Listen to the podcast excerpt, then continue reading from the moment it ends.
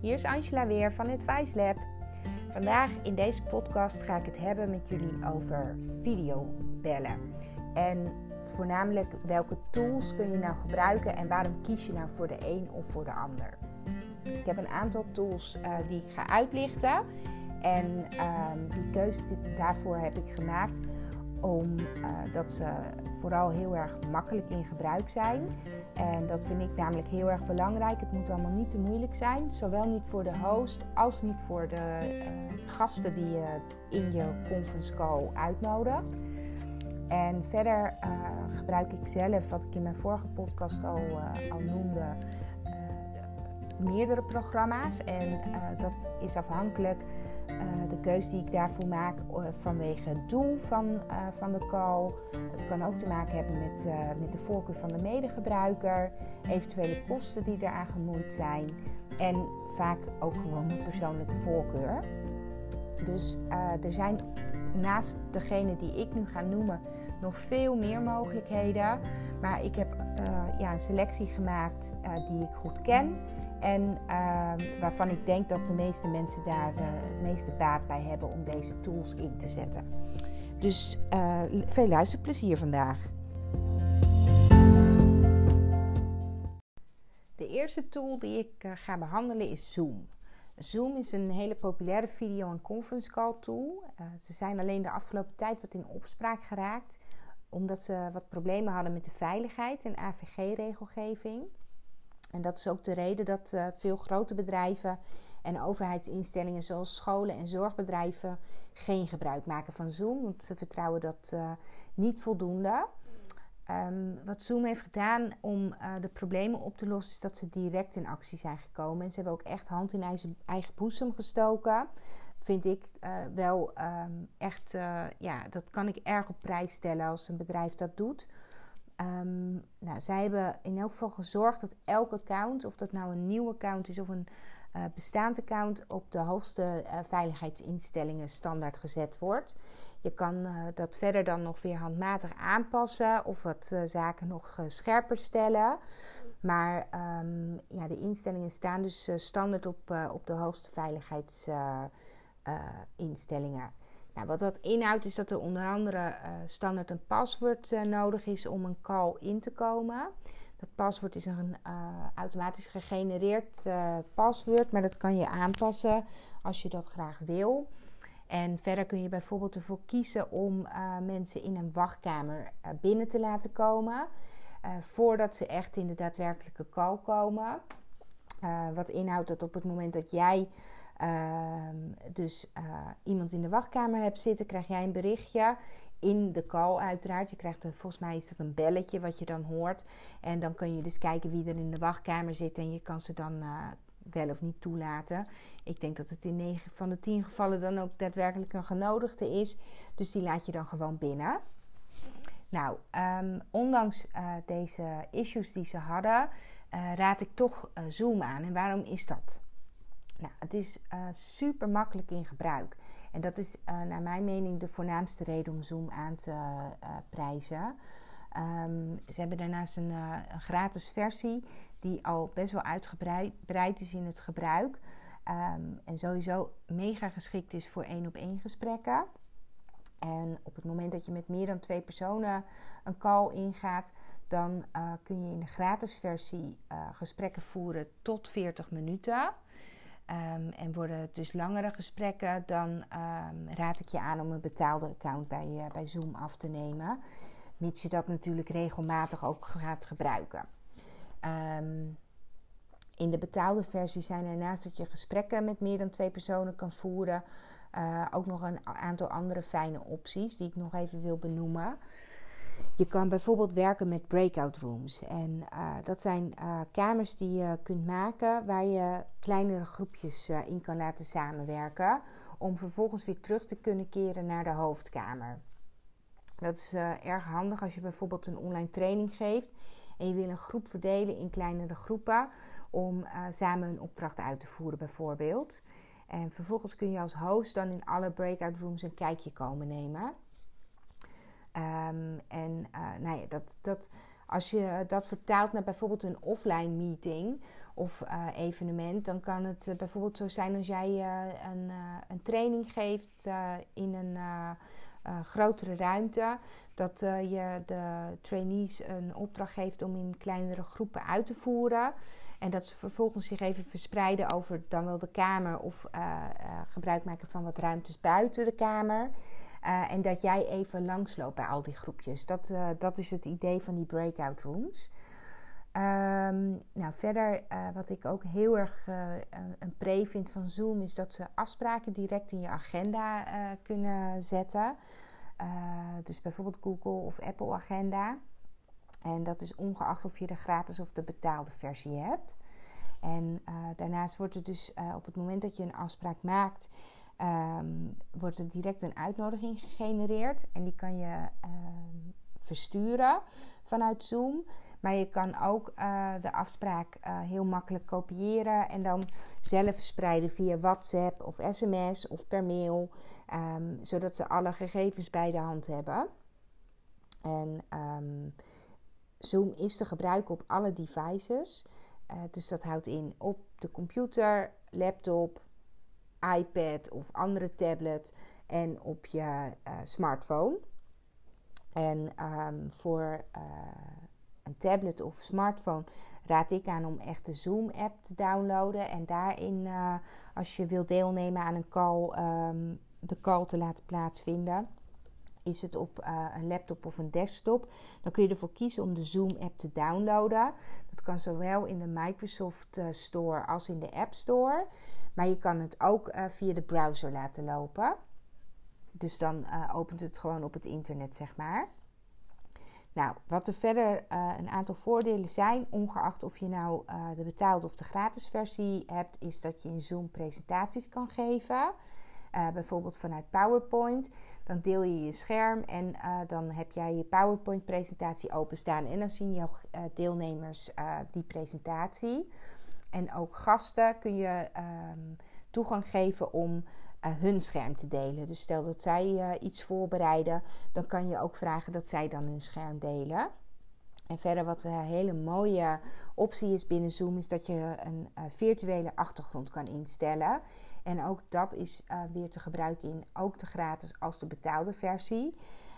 en een virtuele achtergrond zorgt ervoor dat je een rustige achtergrond hebt.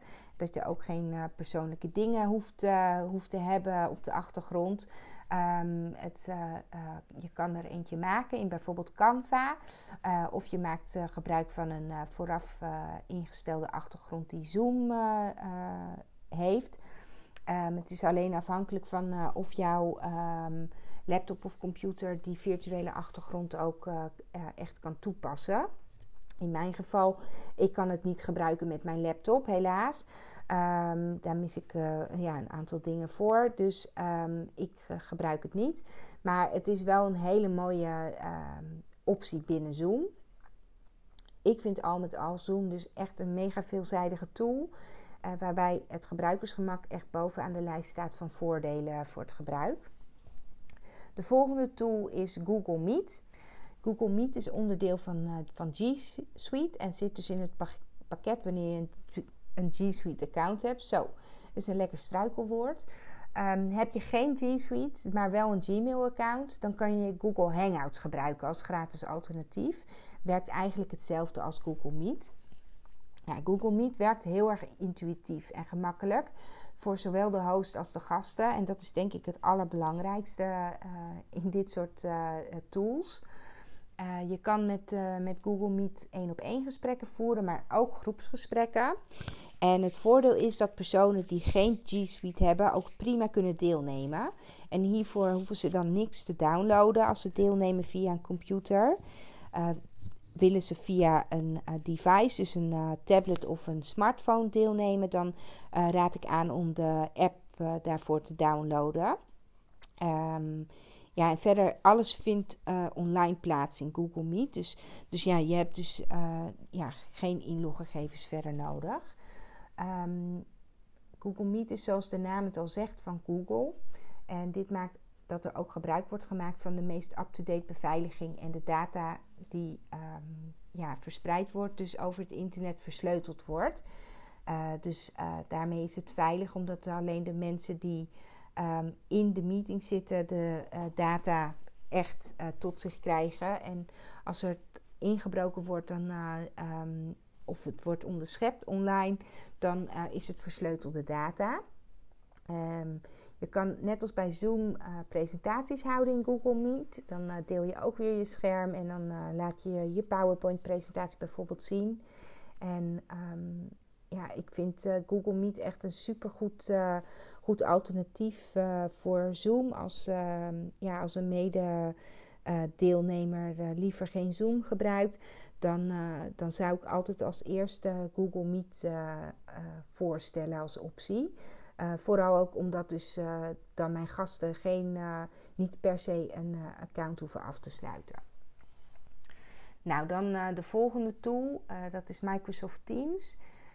Teams is het projectmanagement en samenwerkonderdeel binnen Microsoft en zit standaard in het pakket van Microsoft 365. Um, naast videobellen en chatten kan je in Teams heel veel andere zaken, zoals samenwerkborden aanmaken en een koppeling maken met SharePoint en OneDrive. Um, in deze podcast ga ik echt even in op het videobelstuk, omdat dat echt het onderwerp is. Uh, maar Microsoft Teams is dus een stuk uitgebreider dan alleen videobellen. Uh, eind 2019 is Teams uitgerold en uh, voor Microsoft heeft het gebruik van Teams een enorme vlucht genomen vanaf het moment uh, dat er zoveel mogelijk thuisgewerkt moest worden. Grote bedrijven werken vaak al met, met Microsoft en hebben dus Teams ook in hun pakket zitten.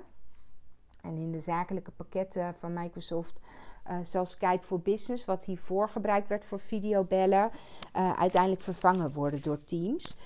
Dus, dat, ja, dus veel bedrijven die, die werken dus nu eigenlijk al met Teams. Nou, heb je een Microsoft 365 pakket, dan heb je dus uh, dat standaard tot je beschikking. Uh, heb je geen Microsoft 365 pakket, dan is er nog steeds de mogelijkheid om gebruik te maken van Teams met de gratis versie.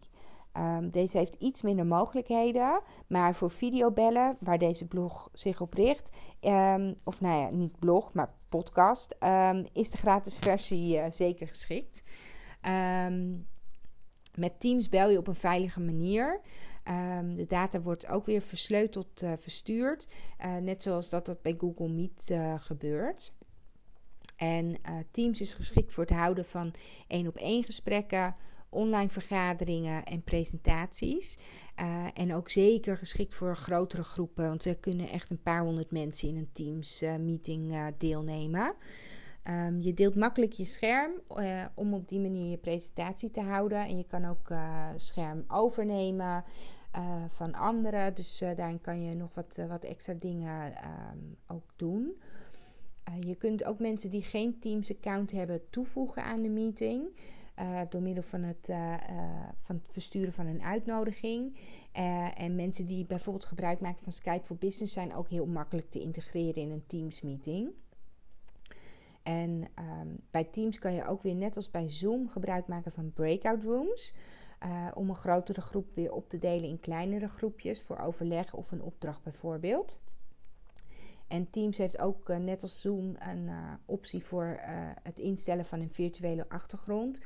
En um, wat Teams ook nog als extraatje heeft, is dat je ondertitels kan instellen. Dus, uh, dus dan wordt, uh, wordt, wordt de gesproken tekst direct ondertiteld. Um, er zal vast soms nog wel eens uh, hier en daar een hiccup in zitten qua vertaling en dergelijke. Maar over het algemeen wordt dat ook weer heel goed ontvangen. Dus ja, Teams is echt een mega uitgebreide tool. Die wellicht in eerste instantie wat minder um, intuïtief werkt als uh, bijvoorbeeld Zoom of Google Meet. Maar als je hem eenmaal door hebt en alle opties uh, weet, ja, dan is het echt een super professionele tool om te gebruiken voor je videoafspraken. Nou, dan um, heb ik nog een aantal tools die uh, vooral ook heel goed zijn voor het gebruik met privégebruik.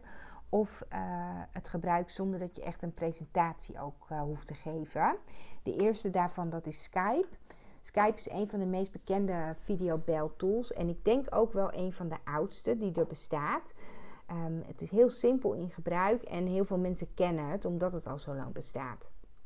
En de gewone Skype-versie is makkelijk uh, voor groep en één op één gesprekken. Um, en de Skype for Business versie die uh, zal dus langzaam vervangen worden door Microsoft Teams.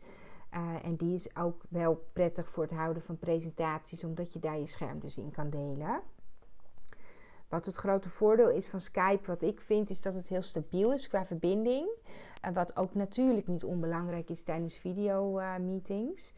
Uh, en voor het gebruik van Skype um, hebben wel alle deelnemers een Skype-account nodig. Dus het is niet, uh, um, ja, als iemand dat niet heeft, dan uh, is het niet aan te raden om Skype te kiezen als, als videobeloplossing. of diegene moet ehm, het niet erg vinden om zelf een account aan te maken. Nou, de tweede van deze tools zonder presentatiemogelijkheden is FaceTime. FaceTime is de video- en belapplicatie van Apple en staat op alle Apple devices uh, als app geïnstalleerd. Het is daarom heel erg geschikt om met andere Apple-gebruikers mee, uh, mee video te bellen. Maar is, het, is er dus één uh, niet-Apple-gebruiker, dan vervalt FaceTime sowieso als optie. Um, ja, FaceTime werkt gewoon heel makkelijk en intuïtief. Eigenlijk zoals je gewend bent van alles wat Apple uitbrengt. Um, en zowel één op één gesprekken als gesprekken met uh, meerdere personen tot een max van 32 personen zijn, uh, zijn te voeren met FaceTime. Um, het is minder geschikt om dus echt presentaties mee te geven, omdat je schermdelen niet echt mogelijk is. Nou, dan uh, als laatste wil ik Google Duo noemen. Is misschien niet heel erg bekend bij velen. Maar wil je de simpelheid van Skype en FaceTime, maar hebben niet alle deelnemers een Apple device of een Skype account, dan is Google Duo echt uh, ja, het beste alternatief uh, wat mij betreft. Het is een hele fijne en simpele oplossing. Je kan met maximaal uh, zeven personen een groepsgesprek voeren. en het werkt heel simpel door een uitnodiging link te sturen. En de personen kunnen na het klikken op de link direct meedoen. Dus ze hoeven geen account aan te maken of rare dingen te openen. Um, willen ze meedoen vanaf een device zoals een um, smartphone of een uh, tablet, dan raad ik wel aan om uh, de Google Duo app te downloaden en daarin het gesprek te voeren. Maar uh, voeren ze het op hun computer of laptop, dan is het de link aanklikken en dan opent er direct een scherm in de, in de browser. Um, het is heel recht toe recht aan. Het is niet mogelijk om scherm te delen. Maar ja, uh, simpelheid is stroef in dit geval. Uh, dus heb je wat kleinere groepsgesprekken. Niet iedereen die uh, allemaal tools tot zijn beschikking heeft. Dan is Google Duo echt een hele goede, goede keuze om te maken. Nou, dan wil ik afsluiten met nog een paar tips voor een rustige meeting. En wat jij daar vooral aan kan doen. Um, en dat begint met dat je ervoor uh, moet proberen te zorgen dat je zo ongestoord mogelijk kunt vergaderen. Dus zoek een rustige plek. In huis. Um, of als je toch op kantoor werkt, uh, zoek echt even een uh, kantoor waar niet iedereen uh, binnenloopt. Een rustige plek. Punt. Nou, de tweede tip: zijn er nog anderen in je directe omgeving? Kies er dan voor om oortjes of een hoofdtelefoon met microfoon te gebruiken enerzijds dat de anderen niet mee hoeven of kunnen luisteren met het, uh, met het gesprek. En anderzijds is het ook gewoon zo rustig voor jou, omdat je toch wat meer afgesloten bent als je oortjes of een hoofdtelefoon uh, op of in hebt. Um, en dan heb je natuurlijk nog wel altijd dat je, dat je microfoon ook nodig hebt, uh, die vaak bij je oortjes zitten. Um, en mocht het dan dus zijn dat andere mensen voor onrust zorgen in de ruimte waar jij ook bent, zorg dan dat jij je microfoon mute op het moment dat jij niet aan het, aan het praten bent.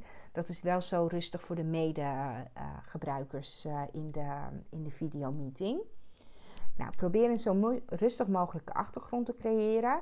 Ik heb uh, natuurlijk al uh, een aantal keren genoemd dat het mogelijk is in sommige gevallen om een virtuele achtergrond in te stellen. Nou, heb je die mogelijkheid en heb je zelf niet een hele rustige wand waar je voor zit, dan is dat zeker een aanrader om te doen. Um, heb je die mogelijkheid niet, En heb je ook gewoon een prima rustige wand achter je. Zorg dan ook dat daar zo min mogelijk persoonlijke attributen zijn. Ehm, dat is enerzijds dat dat niet afleidt, voor jezelf niet, maar ook niet voor de andere deelnemers.